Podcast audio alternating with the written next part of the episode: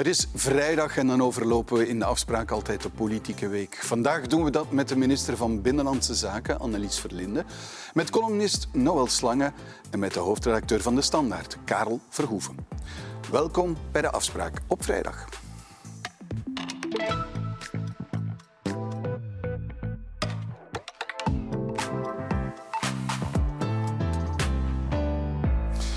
Goedenavond, mevrouw Verlinde. Goedenavond. Gisterenavond kreeg de Nederlandse politicus Thierry Baudet in Gent, waar hij een lezing hield, een, uh, ja, een klap van een Oekraïense demonstrant. Wat denkt u dan als minister van Binnenlandse Zaken? Oei. Ja, Eerst oei en dan natuurlijk, uh, hoe kan zoiets? Het is um, zo dat er steeds meer agressie lijkt te zijn in onze samenleving, ook gericht ten aanzien van politici, terwijl we natuurlijk allemaal zo goed mogelijk in dialoog moeten kunnen gaan om uh, meningen te delen en die mogen gerust verschillend zijn, ik zou zeggen. Maar goed ook dat we uh, ideeën hebben en daaruit kunnen proberen conclusies te maken om, om de wereld beter te maken. En als dat dan met geweld gepaard gaat, dan maak ik mij bijzonder veel zorgen. Het lijkt soms wel of dat, dat uh, ergens ontstaat op uh, sociale media, waar mensen ook vaak heel agressief zijn. Ik heb uh, dat ook al wel meegemaakt met heel wat straffe verwensingen, extreme verwensingen. En ja, dan moet je toch afvragen hoe we ervoor kunnen zorgen, samen, zeker de politiek, door het goede voorbeeld te geven, maar in het algemeen, dat we blijven spreken met elkaar. Want met geweld is nog Ja. nooit iets opgelost. Philip de Winter, die aanwezig was, die zei de politie stond erbij en keek ernaar. Uh, is dat zo? Want er was politiebewaking. Ik uh, ga uit van vertrouwen in politiemensen. Zij maken een inschatting op dat moment. Ik heb de situatie nog niet geanalyseerd, maar ik heb er geen enkele twijfel aan dat politie uh, doet wat nodig is uh, om, om iets ergers te voorkomen. Zijn politici opgejaagd wild? Dat is ook de stelling. Vooral rechtse politici, zegt Philip de Winter, zijn opgejaagd wild. Is dat ook uw gevoel? Het is natuurlijk zo dat we in een tijd leven waar snelheid ontzettend belangrijk is. En dat het soms lijkt dat berichten sneller de, uh, de wereld worden ingestuurd dan uh, de kwaliteit of de inhoud ervan uh, gecheckt kan worden. Um, dat communicatie of uh, het toezenden van berichten via sociale media ook ontzettend snel kan gaan. Um, en ik weet niet of die snelheid altijd zo, zo wenselijk is, want dat leidt niet echt tot uh, contacten. We hebben wel eens het gevoel dat politici heel dicht bij de mensen zijn via sociale media. Er wordt allerlei uh, gedeeld over persoonlijke levens, over, over vakanties en dat soort dingen. Terwijl de kloof tussen de politiek en de burger nog nooit zo groot lijkt geweest te zijn. En ja, ik denk dat we daar toch goed op moeten moeten over nadenken, omdat ik wil graag in een samenleving wonen waar dat mensen met elkaar praten, Ja, van meningverschillen proberen te de Winter heeft het hier echt fysiek opgejaagd wild voor rechtse politici. Zij zijn makkelijker slachtoffer van dit soort feiten dan andere politici. Dat, dat durf ik niet zeggen. Ik denk dat er over het algemeen een heel grote mondigheid is, ook via sociale media, waar allerlei berichten gestuurd worden. Ik heb zelf wel eens het gevoel dat als je daar dan op reageert en probeert een dialoog te starten, dat mensen veel gematigder zijn na het tweede of na het derde bericht en al heel wat gematigder zijn nog uh, als je hen fysiek ontmoet. Ja. Maar ja, het is, het is trouwens niet alleen ten aanzien van politici. Ik had vandaag nog een gesprek over geweld tegen hulpverleners, brandweerlieden, mensen achter het uh, onthaal van een ziekenhuis, mensen bij het OCW die anderen proberen te helpen. En ik kijk daarnaar en dan denk ik, we moeten echt wel iets met deze Ja, samenleving om... u, om... u toch ook? Um, er zijn verschillende politici die bescherming hebben, bij mijn weten u ook. Dus u hebt met dat fenomeen ook te maken. Ja, dat is zo. Um, en dat is uh, blijkbaar iets dat erbij hoort vandaag. Maar ik zal weigeren mij neer te leggen met het feit dat dat bij de politiek hoort. Het is zeker geen Belgisch fenomeen. Mijn collega's in het buitenland uh, genieten ook dat soort bescherming. Maar um, ja, als je nog mensen wil vinden die aan politiek doen, en daar zullen we het misschien straks ook over hebben, uh, dan moet er ook voor zorgen dat er een klimaat is waarin dat je met een gerust hart je mening kan delen vanuit een interesse en een inzet voor het algemeen belang. Goed, Noël Slange, goedenavond. Hallo. Um, staking bij de lijn en een incident. Want de baas van de lijn die noemt um, het beheer van de politiek van de lijn een verrottingsstrategie. Ja, dat is zijn zware woorden van de baas, de CEO van de lijn. Hè? Ja, de woorden die in de andere richting teruggingen, die logen er ook niet om. Wat was het weer? Klagen en zagen. Ja, de minister, minister Lydia Peters zei stop met klagen en zagen. Stop met klagen en zagen. On, ongezien dit soort uitwisseling tussen uh, ja, iemand van de administratie waar de minister voor bevoegd is en de bevoegde minister zelf. Het is niet verheffend. En je hebt op dat ogenblik eigenlijk drie slachtoffers. Uh, in dat opzicht, ja, de minister maakt daar echt geen goede beurt mee. Uh, maar ook de CEO natuurlijk is de vraag of, of het helpt om dat soort uh, boodschappen te lanceren. Want je verwacht normaal gezien dat de CEO en de minister dat die samenwerken. En dat als men niet door een deur kan, dat, ja, dat het ofwel achter die deur wordt uitgediscussieerd ofwel dat je die deur achter je ja. dichttrekt. En de derde slachtoffer zijn natuurlijk de reizigers. Want het is natuurlijk wel een feit dat het uh, niet echt goed gaat met ons uh, openbaar vervoer. Uh, maar de vraag is natuurlijk of, of de analyse altijd, altijd juist is. Want blijkbaar slagen we toch wel heel moeilijk in, in, in, dit land en ook in Vlaanderen om efficiëntie te verhogen. En dat komt natuurlijk ook wel omdat we bijna een structurele investeringsachterstand hebben. En men probeert dan eigenlijk problemen die te maken hebben met infrastructuur, met bussen, met digitalisering, altijd maar op te lossen met nieuw personeel. En het gaat eigenlijk altijd daarover. En nu is ook weer de vraag, uh, is dit een manier om meer te privatiseren of niet? Terwijl het eigenlijk zou moeten gaan over de reiziger. Ja, Meestal bij een discussie tussen een minister en ja, in dit geval de CEO, verliest de CEO het beleid. Verwacht u dat ook? Dat hier gevolgen uit uh, volgen? We zitten natuurlijk vrij dicht bij de verkiezingen. En dat betekent dat er uh, wat dat betreft niet meer zoveel uh, dingen zullen, zullen veranderen. Misschien dat dit ook een signaal van de CEO is naar de volgende legislatuur. Maar ik denk, ik denk niet dat het werkt. Oké, okay, goed. Goedenavond, Karel Verhoeven. Goedenavond. Um, ja, wat de pers dan betreft, Conor Rousseau, de voorzitter van Vooruit, die krijgt gelijk in zijn vraag dat de PV over de incidenten in Sint-Niklaas, dat die niet mag worden gepubliceerd. Verbaast u dat?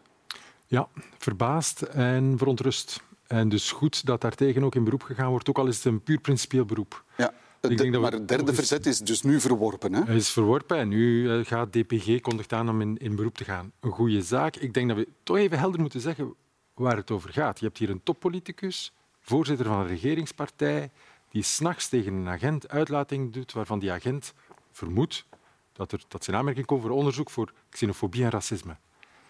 En uh, je hebt een rechter die beslist dat media niet uit dat PV mogen citeren, dat PV waar die woorden staan opgeschreven, dat ze daar hoe dan ook niet mogen uit citeren. En wat je dan krijgt, het resultaat is, je had media, nieuwsmedia, die aan de politicus uitleg vroegen, een reactie vroegen, helemaal conform een deontologie, om een wedersprekelijk debat te hebben over wat hij daar gezegd heeft. En wat hij via de rechter afdwingt, is een monopolie op informatie, via een persconferentie, om daar alleen zijn versie van de feiten te geven en niet te citeren uit het PV, waardoor wij eigenlijk nog altijd in het ongewisse zijn over wat hij daar precies gezegd heeft. Dat is geen goede situatie en dat rechters verbieden wat, dat media, los van wat ze weten, wat die media gaan schrijven, alvast verbieden dat alle media, want dit geldt voor alle media, dat zij niet mogen publiceren, dat is wel zeer vergaand, vooral in België. Maar het is principieel, want intussen is het artikel al gepubliceerd en vooruit vraagt geen schadevergoeding. Dus op, op zich heeft het geen wel, voorwerp, behalve het principe. Het typeert natuurlijk de hele situatie. Vooruit vraagt geen schadevergoeding, omdat ze hun, eh, hun moment de gloire gehad hebben in primetime, op alle tv-zenders, een persconferentie die tientallen minuten lang is uitgezonden. Dus zij hebben het slag thuis ja. U bent juriste, mevrouw uh, Verlinde. Wat, wat vindt, u, vindt u het verontrustend dat er preventieve censuur, want dat is het eigenlijk, is het preventieve censuur wordt toegepast? Ik denk dat het absoluut noodzakelijk is dat eh, de pers de vierde macht kan zijn, kan uh, controleren, kan onderzoeken en soms ook uh, verantwoordelijke beleidsmakers voor hun verantwoordelijkheid kan houden. Ik heb het, het, de uitspraak niet ingekeken, dus ik kan niet precies ingaan op de details, maar ja, we hebben dat nodig. Ook al is dat niet altijd zo leuk, uh, daar kan ik ondertussen ook over meespreken. En soms is kritiek terecht en soms uh, kan je daarover van gedachten wisselen. Maar uh, enfin, als het uh, lijkt op censuur, dan gaan we niet de goede richting uit. Maar nogmaals, ik heb het, het vonnis niet gelezen, dus ik, ik kan mij daar nu niet over uitspreken. Goed, laten we dan naar de andere actualiteit van de week gaan. Want de aanslag op de Tunesische terrorist Lassouet heeft op die verschillende Zweedse voetbalsupporters heeft heel wat gevolgen gehad. Er heeft de minister van Justitie ontslag genomen. Er is een nieuwe minister in de plaats gekomen. Het parket in Brussel geeft hem falen toe. En de regering neemt zich voor om de communicatie tussen de veiligheidsdiensten te verbeteren en nog eens meer mensen in dienst te nemen. Het klopt dus dat de ernstige onderbemanning van het parket Brussel een rol heeft gespeeld. Maar hoewel dat de gang van zaken mee verklaart, is dat geen rechtvaardiging.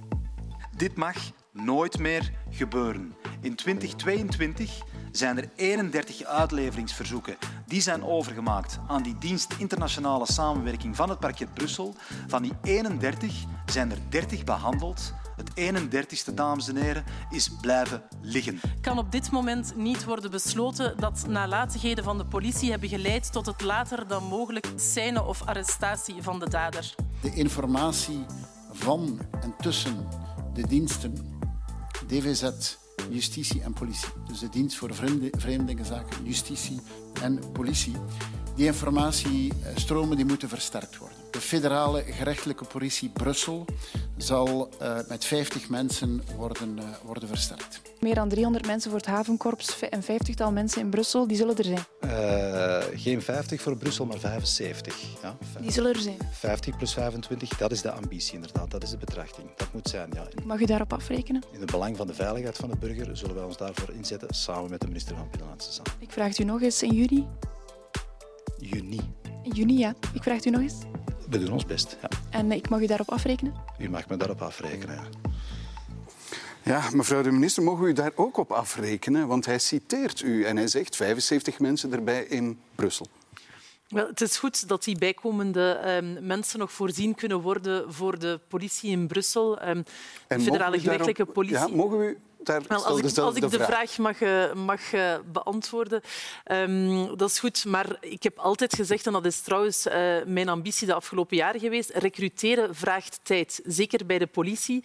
er zijn eerst recruteringsprocessen en dan moet je de mensen opleiden. En goede rechercheurs die vind je niet zomaar heel talrijk. En dus we zullen dat doen. Die budgetten worden vrijgemaakt. Maar dat is mijn strijd van de afgelopen drie jaar. Hè. Ik heb een organisatie aangetroffen waar gedesinvesteerd was waar uh, misschien, omwille van, um, waar misschien omwille van politieke overwegingen men er belang bij had om het federale niet optimaal te doen werken. Dat is een, eh, een conclusie uh, die, die, die je zou kunnen okay. nemen.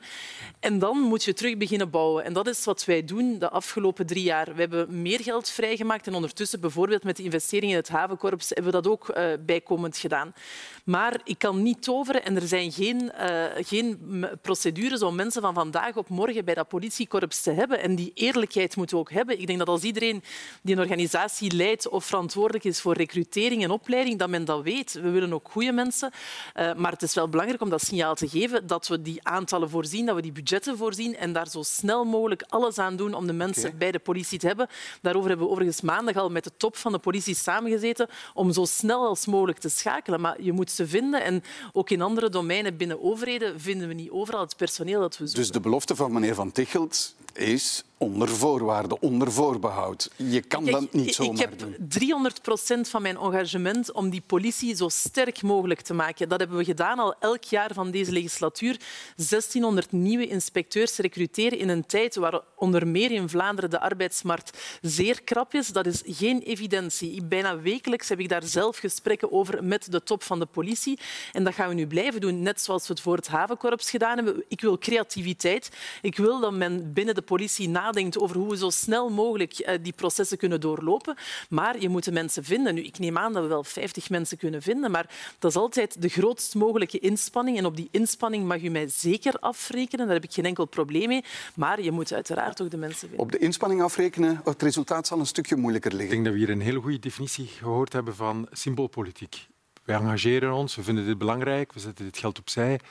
We zullen zien of de realiteit wil volgen. Nee, ik ga niet zien. Hè. Ik heb niet gezegd we zullen zien. Ik ga me daar 300 procent voor inzetten. Dat is niet zomaar nu kijken of dat er iets gaat gebeuren. Dat is een engagement. Maar het waren de laatste tekortcijfers niet van de gerechtelijke politie? Want hier gaat het over dat er eigenlijk 500 mensen tekort zijn bij de gerechtelijke politie. Ja, en we hebben al 136 tekorten in Brussel alleen al.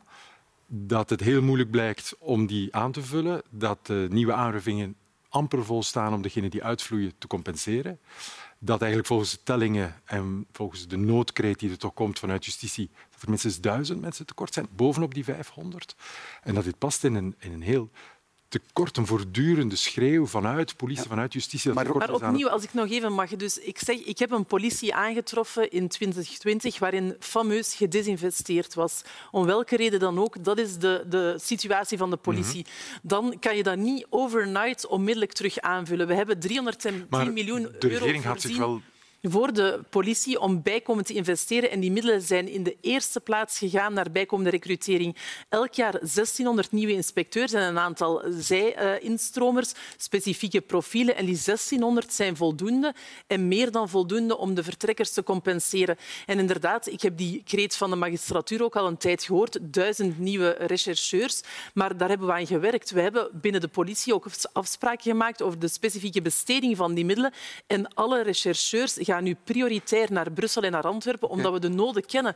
Maar u, u moet ook weten... Maar dit, dit lijkt over, over anonieme cijfers te gaan. Maar dit gaat, u weet dat zeer goed, maar dit gaat over de mensen die terreur bestrijden, die zware drugscriminaliteit bestrijden, die die fenomenen bestrijden, die echt onze democratie aan het En ik, ondermijnen ik zijn. wil eh, meneer Slange er ook even bij betrekken. Opvallend zinnetje toch? De vorige, ik heb een toestand aangetroffen door de vorige regering. Een desinvestering van de vorige regering. Ja, de, Nee, tot dat zinnetje viel mij ook op. En zeker ook de toevoeging bij de eerste tussenkomst die u zei, eh, om te laten zien dat het federale niveau niet werkt. Eh, Ik heb die dus vraag gesteld. Hè. Ik heb daar geen conclusie over genomen. er maar ik stond misschien een vraagteken achter, maar het is een heel interessant vraagteken. Ja, maar opvallend. Maar, maar opvallend. Tegelijkertijd ehm, sluit ik mij wel aan bij eh, meneer Verhoeven dat natuurlijk eh, op het ogenblik dat je zegt dat je 50 mensen gaat aanwerven als oplossing, terwijl je weet dat je die mensen niet gaat kunnen vinden en dat er heel veel vacatures Dat weet ik zijn. niet. Hè. Ik weet niet of u dat kan zeggen, dat we die niet gaan vinden. We gaan er alles aan doen om, om ze te vinden. Maar we Ja, moeten maar, ook een maar beetje moet er nog ernstig ik zijn. weet Als ik aan u hoeveel morgen... anderen vinden. Ja, maar die, die zijn we aan het zoeken. En we zijn vandaag 27 oktober. En wekelijks heb ik overleg met de top van de politie om te kijken of we op schema zitten om onder meer die 1600 En de vraag die ik zou willen stellen is, is een aanwerving van 50 mensen, of dat net het grote verschil maakt, of dat we niet eigenlijk zitten met een aantal systeemfouten. En dat het heel belangrijk is om die systeemfouten aan te... Op het ogenblik dat ik hoor dat bijvoorbeeld, en, en dat is nu niet in, in uw domein, maar dat het systeem ergens in justitie gebaseerd is op een kast, dan heb ik zoiets van, ja, moet men daar geen computers kopen om te zorgen dat dat niet in een kast zit? Intussen hebben we een digitale kast te zien Ja. gekregen. Hè? Dus Ik veronderstel dat dat, is- een IBM uit de jaren 70 is, Nee, nee, als we nee. Spreken een over een digitale kast. registratiesysteem voor dossiers. Is, is met wat nu gebeurt. eh, Hebt u het gevoel dat u zich veiliger voelt nu een paar. ah, We zitten twee weken bijna na de, na de aanslag. Met wat er is aangekondigd en de inspanningen die. hier- Maar mag ik de vraag terugstellen? Wat hadden we dan moeten doen om u wel maar veiliger te voelen? Wel, hier, hier is wel, de kast is wel symptomatisch voor een, veiligheidsbestel in Brussel dat erg slecht functioneert, waarvan we al jaren van de hoogste magistraten de klachten noteren dat dit zo niet verder kan, waarbij de, de hoogste leidinggevende hoofd eh, van het Hof van Beroep, eerste voorzitter van het Hof van Beroep, de procureur, die zijn allemaal, zitten allemaal in een communautair gesteggel eh, voor de opvolging. Er is geen procureur in Brussel. Daarover hebben wij allemaal geen discussie gehad de voorbije twee weken. We hebben geen discussie gehad over hoe mächtig justitie er in Brussel aan toe is. En daaronder zit dan nog eens eh, de federale politie. We hebben 50.000, ongeveer 50.000 politieagenten in België. Iets minder. ja. Dat is, dat, is niet, dat is niet zo overdreven te weinig. De vraag is, hoe organiseren we die veel beter, dat we al die problemen te boven En dat is niet alleen Maar een politiek even- probleem, voor alle duidelijkheid. Dat is Nee, nee, ook een, akkoord. een dat is een organisatorisch, probleem, ja, organisatorisch vraag. en Maar magistratuur u, u, heeft ook zegt dan nogal, ehm, nogal met grote woorden. Er is een probleem in het veiligheidsbestel en vervolgens gaat u in op de zijn- organisatie van justitie. En dan eh, heeft u over de politie. De tekorten bij de politie, dat is, ik heb daar geen enkel probleem mee om dat te erkennen en daaraan te werken. Ik vraag u alleen, we werken aan die procedures, maar niemand kan beloven dat je morgen... eh, Mhm. Waarom belooft de regering dan 50 nieuwe rechercheurs, terwijl de, de vakbonden meteen zeggen ja, het kost al Ja. jaren tijd om die mensen eh, op te leiden. Dat zijn gespecialiseerde Wel, mensen. Ja, omdat we natuurlijk die principiële beslissingen moeten nemen. Er zijn heel veel terrordossiers die in Brussel behandeld worden omwille van de samenwerking met het federaal parket. En dus die dienst willen we om die reden versterken. We hebben die maatregelen genomen eh, zaterdag, maar er wordt al veel langer gewerkt aan de versterking. We gaan de Ja, federale politie versterken Het met kwam over 195... zaterdag alsof nu gaan we eens en met deze, deze en deze deze maatregel, kijk, nu gaat het gebeuren. Een databank. Vind, vindt u dat wij gezegd hebben, nu gaat het gebeuren? Ik denk dat Welk signaal wat je werd er kan, anders Wat gegeven? je ook kan kijken op, eh, of besluiten na zo'n persconferentie is, kijk, er is iets heel ernstig gebeurd in dit land. Iets waarvan we gehoopt hadden na 2016 dat we dat nooit nog gingen moeten meemaken. Er is veel ongerustheid, er is onzekerheid en we, we, we willen daar als regering iets aan doen. En wat doen we dan? Realistische maatregelen aankondigen. Morgen zeggen dat je 500 mensen recruteert, dan had u mij terecht gezegd, ja, dat is zouden- echt onrealistisch. Die 50 mensen, dat is realistisch. Dat gaat het eh, federaal eh, parket en in ondersteuning de federale gerechtelijke politie vooruit helpen. Ik denk dat niemand heeft gezegd eh, zaterdagavond dat met deze maatregelen we nooit nog een risico lopen op deze feiten. Dat zou ook niet realistisch en eerlijk zijn. Dat is ook niet wat wij zeggen. Maar het is wel mijn opdracht en mijn verantwoordelijkheid om te proberen die context beter te maken. En ik denk dat we dat in het verleden al gedaan hebben. We hebben niet gewacht op deze aanslag en dat doen we nu bijkomend. Zo kan u dat ook bekijken. Is het niet te lang over asiel en migratie gegaan? In de hele evaluatie van wat bij die aanslag. Als je nu hoort ja, dat we met een veiligheids- en dat communicatie tussen diensten, kruispuntenbank, dat zijn de dingen waar we nu mee bezig zijn. Zijn we niet te lang met asiel en migratie bezig? De regering heeft minder dan 24 uur na de aanslag haar opperste best gedaan. Vooral de minister van Justitie, geflankeerd door de premier, uiterste best gedaan om dit van een veiligheidsvraagstuk naar een migratievraagstuk te leggen. En in één beweging zijn 110.000 mensen zonder papieren meteen verdacht gemaakt als criminelen en terroristen. Terwijl dit absoluut een terrorist was zonder papieren. En dan de hele wedstrijd is daarin gevolgd. En we hebben een, een, een week steekvlam tot het weekend, tot de vrijdag, steekvlam politiek gezien Is er over dan, asiel en is er dan migratie. geen probleem? Van, Natuurlijk is er een probleem over Daarom asiel en is er een migratie. ontslag Ernstig geweest. probleem. Maar Nee, ik bedoel over een en, migratie. asiel en migratie. Maar op welke manier zou het, zoals de premier op een bepaald moment zei, de, de mensen zonder papier zullen de keuze hebben om vastgezet te worden, 110.000 mensen, of het land te verlaten, alsof daarmee het terreurprobleem in België zou opgelost zijn. Want daar hadden we het wel over. Het terreurprobleem in België. Niet de problemen rond Brussel-Zuid, niet de drugsproblematiek, niet de criminaliteit die gepaard gaat inderdaad met het overleven van heel veel van die mensen. Maar als ik even mag, u zei de hele wedstrijd. Ik denk dat dat niet correct is, de hele wedstrijd. Ehm, Ook van uw partij hebben we toch flinke verklaringen gezien. Dus ik zeg, ik denk niet dat het de hele wedstrijd was. ehm, maar wat de druk, heeft toegegeven ehm, dat er een probleem was met... Wel, maar dat heeft zij niet nu gezegd, hè, deze week. Ze heeft dat eerder ook al gezegd. En er is een probleem. Hè. Er is een probleem met het terugkeerbeleid. En er zijn een aantal elementen die daaraan bijdragen. Maar er is een probleem met het terugkeerbeleid als er 100.000 mensen tot misschien 150.000 mensen zonder papieren eh, wonen in ons land. In de eerste plaats ook voor die mensen zelf. Ergens wonen, misschien jaren wonen zonder dat je een verblijfsstatus hebt, dat is een probleem. En daar moeten we iets aan doen. En ik heb alle vertrouwen in Nicole dat zij daar alles toe doet om dat te doen, ook op Europees vlak. Maar zeker kunnen we in België ook beter dingen doen. Zij wil een nieuw migratiewetboek neerleggen waarin dat je niet meer kan verschuilen achter beroepsprocedures om alsnog langer te blijven. Dus dat is, dat is een groot probleem, maar daar wordt aan gewerkt. Maar daarnaast, en daar wilde ik even op komen, de, de druk om dan onmiddellijk bepaalde standpunten in te nemen is op dat moment groot. En dan gebeurt dat, terwijl we misschien beter collectief met z'n allen even zouden zeggen we moeten de situatie bekijken. Dat is ook wat ik gedaan heb sinds maandagavond 16 oktober. Want er zijn zoveel puzzelstukken die je ook niet op voorhand allemaal kan kennen. Laat staan dat je elk detail, detail daarvan onmiddellijk kent.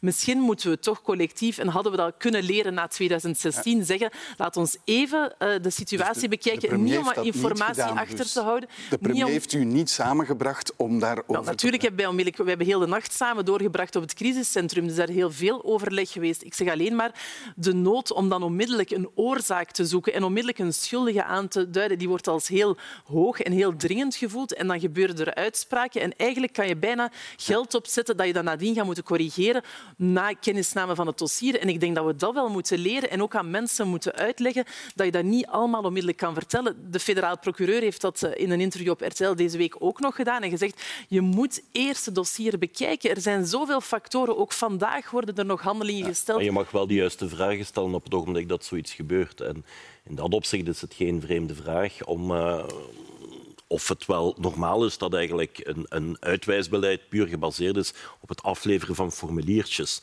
En dat iemand van die formuliertjes kan verzamelen. Dat, Nu dat is een probleem. het, maar het is enige- vaak zo. Ja. ja, het is wel heel vaak zo. Ik denk dat ook iedereen die de eh politieseries eh, ziet, niveau zoveel en weet ik veel wat, het komt er heel vaak in voor. Hè. Ik bedoel, vierde keer, vijfde keer opnieuw een briefje meekrijgen is ook een heel zware belasting voor de politie trouwens. Absoluut. En heel frustrerend Heel voor de politie. frustrerend ook voor de, voor de politie. Ja. Maar het zijn twee verschillende problemen. Maar ze hebben allebei natuurlijk... Wat, een, wat wordt het verkiezingsthema? Want er wordt nu gezegd, ja, veiligheid wordt het, het thema. We hebben net asiel en migratie. Wat wordt het Als verkiezingsthema? we zien dat het eh, verkiezingsthema in de afgelopen tien dagen al twee keer veranderd is, dan kun je er natuurlijk vanuit gaan dat op de volgende acht maanden dat nog heel vaak eh, eh, gaat veranderen. Ehm, ik kan u zeggen wat het verkiezingsthema gaat zijn. Het welzijn en de toekomst van de mensen. Dat is uiteindelijk wat men zich afvraagt. Wat verdien ik? Wat gaan mijn kinderen verdienen? In welke omgeving leef ik? Eh, dat gaat de vraag Maar zijn. daar, En daar gaan daar horen veiligheid en asiel en migratie vormen daar een onderdeel van. van Ja, Ja, maar, heel, maar heel vaak is het zo dat dat- is daar een onderdeel van. Maar wat de politiek heel vaak doet, is zo één onderdeel er dan uitnemen en daar een steekvlam van maken en daar dan alle debatten. En dat geeft Vindt ook u dat de politiek dat doet? Dat, ja, inderdaad. Omdat, dat geeft, omdat daar wil men zich net op profileren. En dat geeft bij burgers heel vaak het gevoel van men heeft het niet over de dingen die mij aanbelangen. Omdat er nog heel weinig eigenlijk een project voor een samenleving wordt naar voren geschoven. Het gaat precies altijd van wat was het laatste feit vorige week, wie is de schuldige, wat kunnen we daaraan doen. Het gaat eigenlijk nog heel weinig over welke samenleving zouden we eigenlijk willen. Want van daaruit kun je veel gemakkelijker redeneren wat er ook moet gebeuren om die samenleving te verbeteren.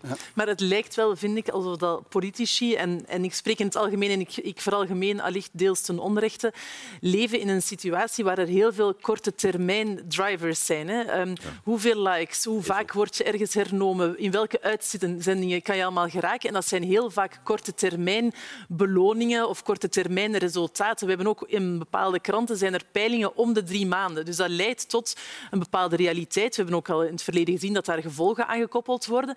En dus als politicus lijkt het of je heel een tijd in een korte termijn sprint zit. Terwijl eigenlijk het idee op lange termijn zou moeten zijn. Mijn vraag is, waar gaan wij wonen, werken en leven in 2040? Mijn neefje van één, wanneer dat hij gaat beginnen werken, hoe gaat de samenleving eruit zien en hoe willen wij dat die samenleving eruit ziet? Maar die vragen worden niet gesteld. Maar u, soms dan is het wel heel vreemd dat de reactie is van we doen een persconferentie en we komen met een tienpuntenplan. Wij gaan een database bouwen.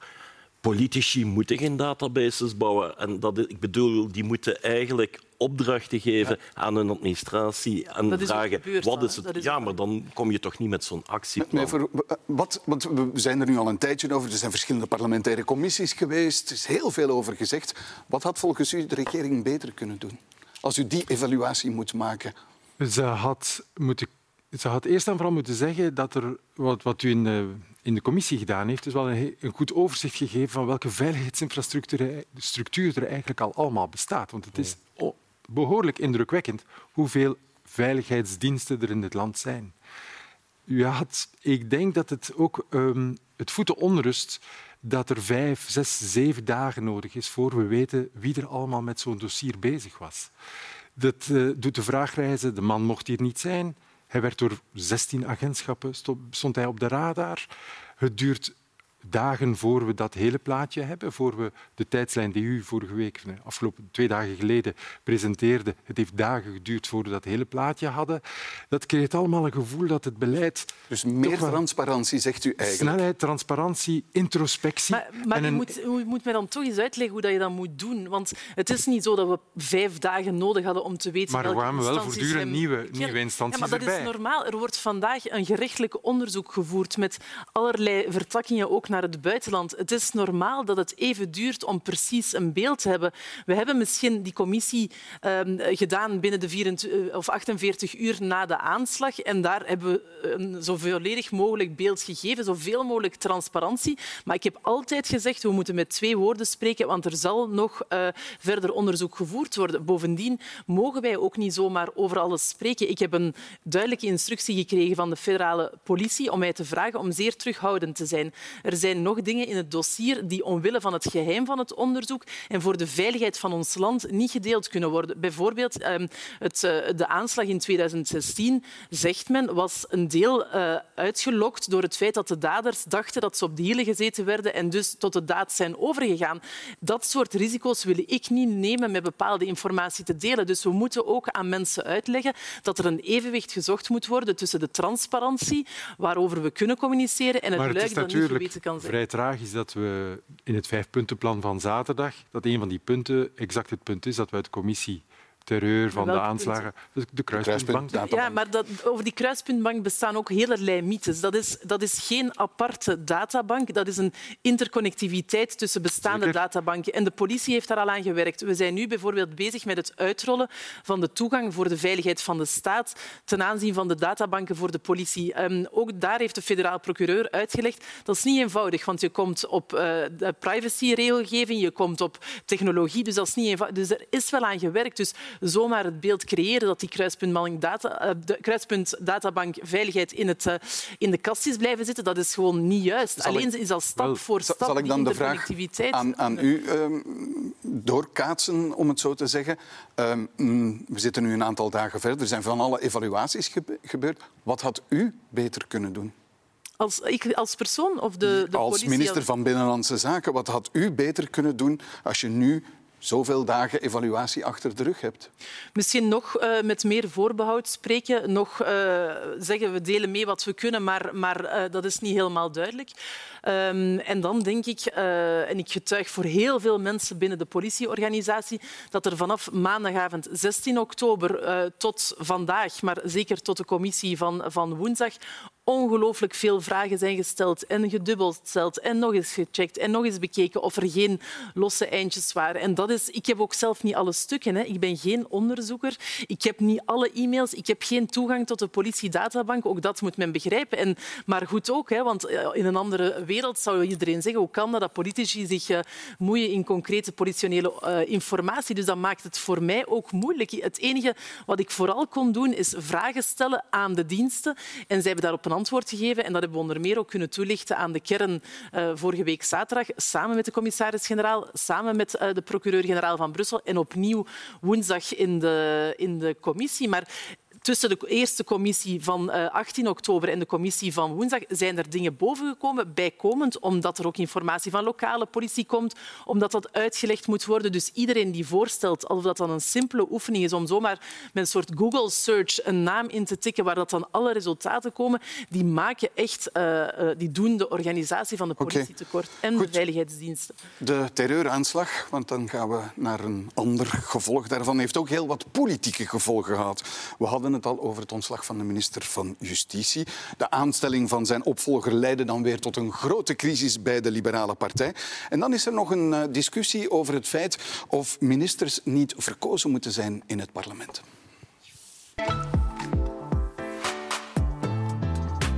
De nieuwe informatie van het parket treft mij in het hart, omdat ik mijn uiterste best gedaan heb om justitie beter te maken.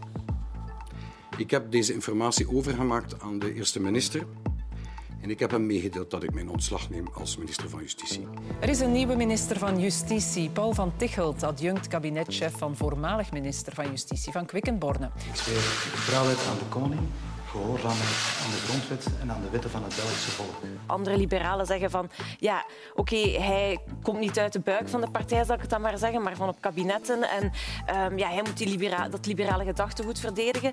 Nu, ja, ja, we hebben ook wel gezien de voorbije legislatuur dat Vincent van Quickenborne ook niet de typische vicepremier is geweest. Ce n'est pas aux experts de, de diriger le pays. Tout ça, c'est une forme de dérive aussi, parce qu'on n'est plus très loin des gouvernements de techniciens. Wij zien u na de verkiezingen niet meer terug in het parlement. Dat is definitief. Wel, ik hoop dat u mij nog terugziet, maar in het parlement ziet u mij niet meer terug. Nee. Dat is 100 procent. Uh, ja, ja, dat is 100 procent zeker. Is dat zwaar gevallen? Nee. Ja, Noël Slangen. Een expert als minister, is dat over het algemeen een goed idee? Over het algemeen is dat een heel slecht idee. Het is zo dat uh, mensen daar heel erg voor zijn, maar eens wanneer zich dat in de praktijk uitrolt, dan word je toch wel met een paar problemen geconfronteerd. Je zou kunnen zeggen dat we tijdens corona een tijd lang bijna een kabinet van experts gehad hebben. En als we daar achteraf op uh, terugkijken, voel je toch wel dat er een goed evenwicht moet zijn tussen de politiek, die zegt wat er moet gebeuren, en experts die zeggen hoe het moet gebeuren. En in Nederland heb je veel duidelijker die, die taakverdeling. Namelijk de politiek die zegt van kijk, dit is de lijn die we willen volgen. Dit vinden wij dat er moet gebeuren. Op deze manier willen we dit departement, dit land vormgeven. En experts die vervolgens zeggen wij zullen daarvoor zorgen. Je ziet dat eigenlijk al bijna zelfs bij de, bij, bij, bij de kabinetten. Wat, ik heel absurd vond was op bepaald moment dat Mirjam Ketier werd ontslagen omdat ze een slechte manager werd, was. Ik had zoiets van, ja, hadden ze die kabinetchef niet beter ontslagen, want die wordt verwacht om de manager te zijn. En, dus we moeten goed weten wat we willen. Mensen zijn er ook heel dubbel in. Mensen zeggen heel vaak, de kiezer, van ja, je kunt beter een expertenkabinet hebben, maar eens wanneer dat er dan is, dan zeggen ja, maar die zijn niet verkozen. Ja, wat uh, denkt u? Alain Gerlach zei een afwijking van de democratie. Hmm. De particratie in, in, de praktijk? De particratie in de praktijk en de grote kabinetten in de praktijk. Want wat je ziet is dat uh, nieuwe ministers niet meer uit het parlement doorgroeien, maar dat ze uit de kabinetten doorgroeien. En dat in principe hoeft het geen probleem te zijn dat de minister niet verkozen is. Maar je krijgt natuurlijk wel een probleem als die wordt aangestuurd door een uh, voorzitter die ook niet in het federale parlement zit. En als datzelfde parlement het gevoel heeft dat het min of meer er voor spek en bonen bijloopt en dat het niet meer die, die oefening van controle kan doen.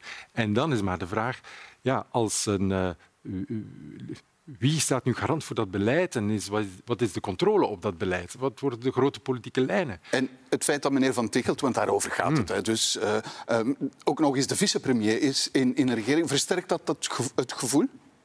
Weten wij veel over waar hij voor staat op het vlak van welzijn, op het vlak van communautaire zaken. Hij vertegenwoordigt zijn partij. Hij vertegenwoordigt zijn partij, maar uh, wij weten als publiek nog niet waar hij voor staat. Zijn partijgenoten weten het ook niet. Dus dat is wel, wordt een hele vreemde situatie. Dat weten we natuurlijk van veel vicepremiers niet. Ik kan er nog wel een paar opsommen waarvan ik eerlijk gezegd niet zou weten wat hun lijn is. Of, of waarvan ik soms uit de lucht val dat ze vicepremier zijn. U tilt daar minder zwaar aan.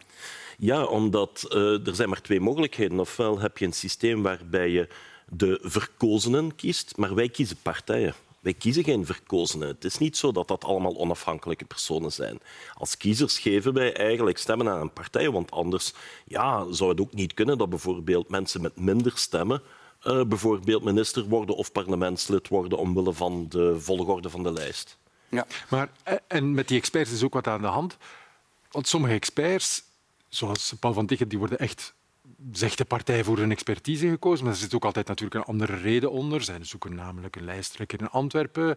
Of in, in uw geval moet iemand nieuw gelanceerd worden voor die partij. U heeft natuurlijk uw expertise. Maar of u dan de best mogelijke minister van Binnenlandse Zaken bent, dat was aan u om te bewijzen. Dat stond niet vast bij het begin van uw aanstelling. U hebt ervaring mevrouw de minister, als expert in, in de politiek. Wat zegt u erover? is dat een goed systeem of niet, nu achteraf bekeken? Wel, um, ik, ik, weet niet of ik expert ben. En denk dat ook de vraag is, wat is dan precies een technocraat? ik was, ik was geen, maar ben je dan onmiddellijk expert of een technocraat? Ik denk dat dat in het geval bijvoorbeeld van uh, collega Van Tichelt anders is dan in, dan in mijn geval. Um, ik weet niet of ik daar het probleem van onze democratie zou situeren. Um, en dat zeg ik niet omdat dat uh, een pleidooi pro domo is, want ik ben natuurlijk in die, in die situatie. Maar ik denk dat we aan, de, aan het functioneren van onze democratie andere dingen ook kunnen doen, okay, zoals even, de rol van de politieke blijven... partij. Maar ik heel even mijn zin afmaken. De rol van de politieke partijen en bijvoorbeeld ook de werking van ons parlement en het zoeken naar meerderheden in dat parlement. En dat zou voor een andere dynamiek zorgen, omdat in principe, als onze scheiding der machten en de evenwichten tussen de machten goed werken, is er altijd een parlementaire controle op de uitvoerende macht. En dus of iemand verkozen is of niet, zou dan eigenlijk kunnen gebalanceerd worden met uh, de wetgevende macht in het parlement. Want er zijn ook in Vlaanderen een aantal excellenties die niet verkozen zijn in de Vlaamse, um, in de Vlaamse executie. En dus ook daar is dan de vraag, moet je dan ook nog verkozen zijn op de, op de lijst of op het ja. parlement waar je minister wordt. Maar snapt, dus... u, snapt u dat mensen zich daaraan ergeren? We krijgen daar heel veel reacties ja, ik begrijp op. Dat, ik begrijp dat. En ik denk dat dat ook dingen zijn die we moeten uitleggen aan mensen als onze parlementaire democratie goed werkt, dan zou dat uh, gebrek aan verkozen zijn gecompenseerd moeten worden met de werking van het parlement. Het probleem zit daar natuurlijk, dat ook het beeld daar leeft, dat parlementairen veel te vaak doen wat hun partijen opdragen, dat eigenlijk op voorhand, omwille van de meerderheid en omwille van het gebrek aan dynamiek in dat parlement, toch eigenlijk alles beslist wordt in de regering. En dan wordt de cirkel, denk ik, te, te klein. Dan, dan heb je een probleem met de parlementaire democratie, maar niet omdat ministers niet verkozen zijn in het parlement. Waar dat maar het is opvallend dat al diegenen die niet verkozen zijn, bij de eerstvolgende verkiezingen zich wel aanbieden om verkozen te raken. Er is een zekere legitimering.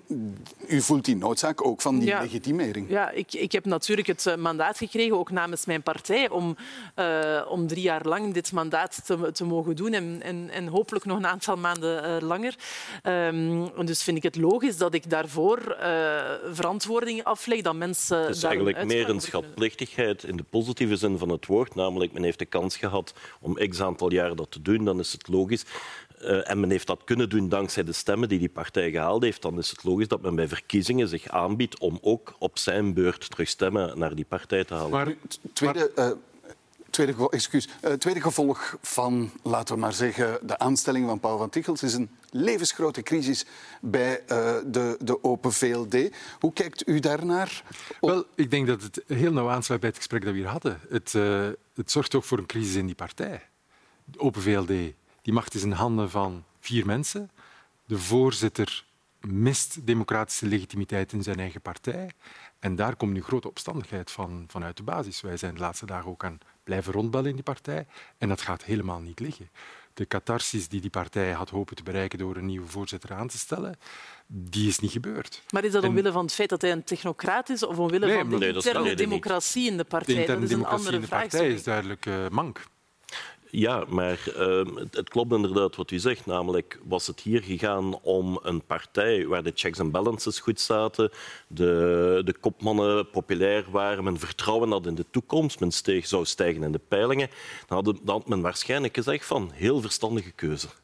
Uh, dus dit heeft met het Krim-scenario te maken heeft, in een partij? Dit heeft met het Krim-scenario te maken en met het feit dat um, een partij die eigenlijk altijd wel min of meer bestaan heeft uit toch wel clans, waar, waarbij je... Uh, je had vroeger uh, Groot-Jans van der Poorten de Klerk, geen vrienden van elkaar, maar hielden elkaar in evenwicht.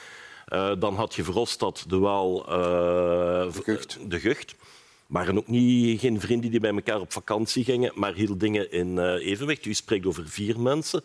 Het gaat eigenlijk over één persoon en een bijzitter, namelijk uh, Alexander de Croo.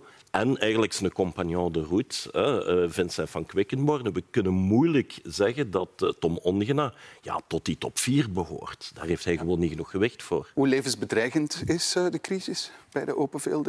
Kan u dat inschatten? Zelf schatten zij het in als zeer levensbedreigend. Ja, u ook, meneer? Ja, omdat ik verwacht dat uh, heel veel mensen gaan passen om op die lijst te gaan staan. En dat ga je natuurlijk wel uh, merken. Iedereen gaat vechten voor die eerste plaats. Sommigen misschien nog voor een eerste opvolging en al de rest wil niemand gezien worden. Ja. Hoe kijkt u daarnaar? Heeft dit gevolgen voor Alexander De Croo als eerste minister, bedoel ik dan? Ik ga ervan uit dat Alexander betrokken was bij de besluitvorming en dat hij uh, ervan uitgaat dat binnen het functioneren van de regering dit een goede opstelling was en of maar de best denkbare nog, oplossing. Ben je nog een stevige eerste minister wanneer die partij achter jou volledig aan het verkruimelen is? Dus ja, hij was natuurlijk al nooit de premier van de minister. grootste. Hij was al nooit de premier van de grootste partij aan tafel. Dus ik weet niet of dit nu dan voor wat de werking van de regering uh, betreft de gamechanger is. En allee, laat mij zeggen, met net alles wat we besproken hebben, veiligheid wacht niet op ons verkiezingsritme. Hè. Dus voor wat mij betreft heb ik de volgende zeven maanden echt nog een agenda. En ik ga ook mijn collega's oproepen om dat te doen. Dat is het enige antwoord dat we in mijn ogen ook kunnen geven aan antipolitiek en het gebrek aan hoop en het gebrek aan, aan perspectief. En we moeten natuurlijk niet, niet uh, naïef zijn voor die andere realiteit, maar het is wel mijn opdracht om te blijven zoeken naar manieren om de veiligheid in ons land uh, mee te ondersteunen. En ja, ik hoop dat ik daar binnen de regering nog wat partners voor vind. Dat, dat is misschien naïef, maar in deze ben ik graag naïef, want er is geen enkele uitdaging die nu een jaar op ons kan wachten totdat wij allemaal terug klaar zijn om in de juiste opstelling er terug tegenaan te gaan. Bij de partijtop wordt gezegd, Open VLD, dit is een generatiewissel. We zijn bezig met politieke vernieuwing. Dat is een positieve manier om het te formuleren, ja. Uh, en de waarheid zal zijn dat die politieke vernieuwing al een hele tijd geleden had moeten gebeuren. Dat de partij nu aan uh, ten onder gaat, of heel kapseist, we mogen niet voorbarig spreken, aan het ja, de, zich doodregeren, het, het, maar voortdoen met hetzelfde team eh, waarbij je ook je, zonder ideeën valt. Want dit gaat, het valt heel erg op, dit gaat niet over een ideeënstrijd binnen de partij. Het, eh, die partij die is helemaal naar zichzelf aan het kijken, die is in kramp en die is ook niet meer aan het kijken deze week. Als je een paar dagen na zo'n aanslag Gwendoline Rutte dan over haar, zichzelf hoort klagen, dan dacht ik als burger ook, hmm, misschien toch niet zo gepast. Misschien moet je toch even eerst naar het land kijken waar de partij een belangrijke opdracht heeft voor je het over jezelf hebt. Ja, maar is er niet een groter fenomeen, generatiewissel, politieke vernieuwing? Kijk naar groen. Ook bij groen krijg je, ja, men noemt het een leegloop met een negatief woord, krijg je heel veel mensen van deze generatie die afhaken, die naar het lokale gaan en positief gesteld plaats ruimen voor nieuwe kandidaten. Ik wil dat ook toch wel relativeren. Vroeger was het zo dat eh, politici pas op eh, vrij late leeftijd uh, starten. En betekende ook dat wanneer men stopte, dat het een logische leeftijd was om te stoppen. Vandaag is het zo dat sommige mensen die drie, vier legislaturen al zetelen, dat we zeggen, tja, die stopt terwijl die is nog jong. Ik bedoel, uh, het is, ik, ik, ik, denk dat Karel gelijk heeft. Er had al lang een, een generatiewissel moeten gebeuren bij Open VLD. Het is niet omdat die mensen niet zo oud zijn dat ze nog niet heel lang meedraaien. Ik denk trouwens ook dat dat een, als je het aan mij zou vragen, dat dat goed is, dat je, zeker als eh, lid van een uitvoerende uh, instelling zoals de regering, dat, dat je daar een zekere circulatie hebt. Als ik nu zie het tempo waarmee uh, dingen gebeuren, de 300% inzet die dat vraagt en, en, wat dat ook vraagt om creatief te blijven uitdagen. Ik, ik, weet niet of je nog levenslange carrières in de politiek in deze context mogelijk uh, kan hebben en of dat wij dat moeten willen. Ik denk dat dat goed is dat je rotatie hebt. Natuurlijk moet het dan vanuit een positieve keuze zijn om mensen kansen te geven. En ja, als het dan lijkt alsof mensen sneuvelen, dan, dan vertrek je niet vanuit die politieke ja, want ik, benadering. Ik kijk naar uw partij en u hebt hem daarnet uh, gezien. Ja, Koen Geens.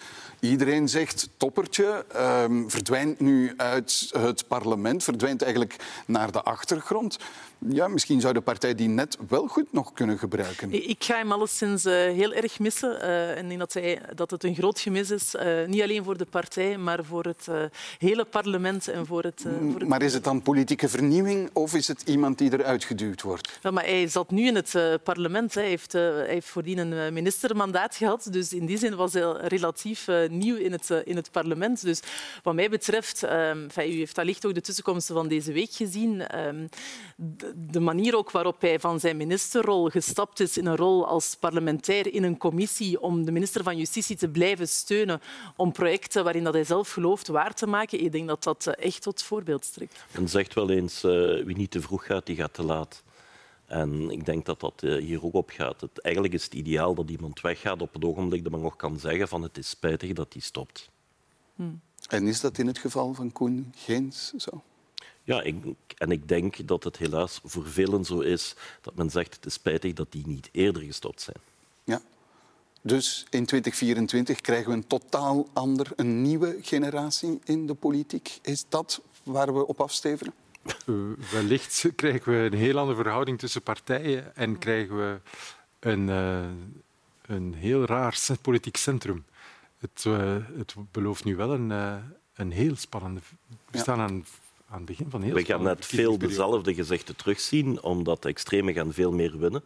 Wat betekent dat eigenlijk degenen die er vroeger bijkwamen vanuit de tweede, derde plaats, opvolging en zo, gaan er veel minder zijn. We gaan nog veel meer dezelfde gezichten terugzien. Bij de centrumpartijen dan? Bij de, ja, bij de centrumpartijen, maar waarschijnlijk gaat men wel naar de centrumpartijen en naar N-VA, die intussen toch ook bij het centrum uh, hoort kijken. En daar ga je heel veel dezelfde gezichten zien, want ik zie niet in wie anders regeringen gaat maken. Ja, u zei daar net uh, snelheid waarmee het nu gaat.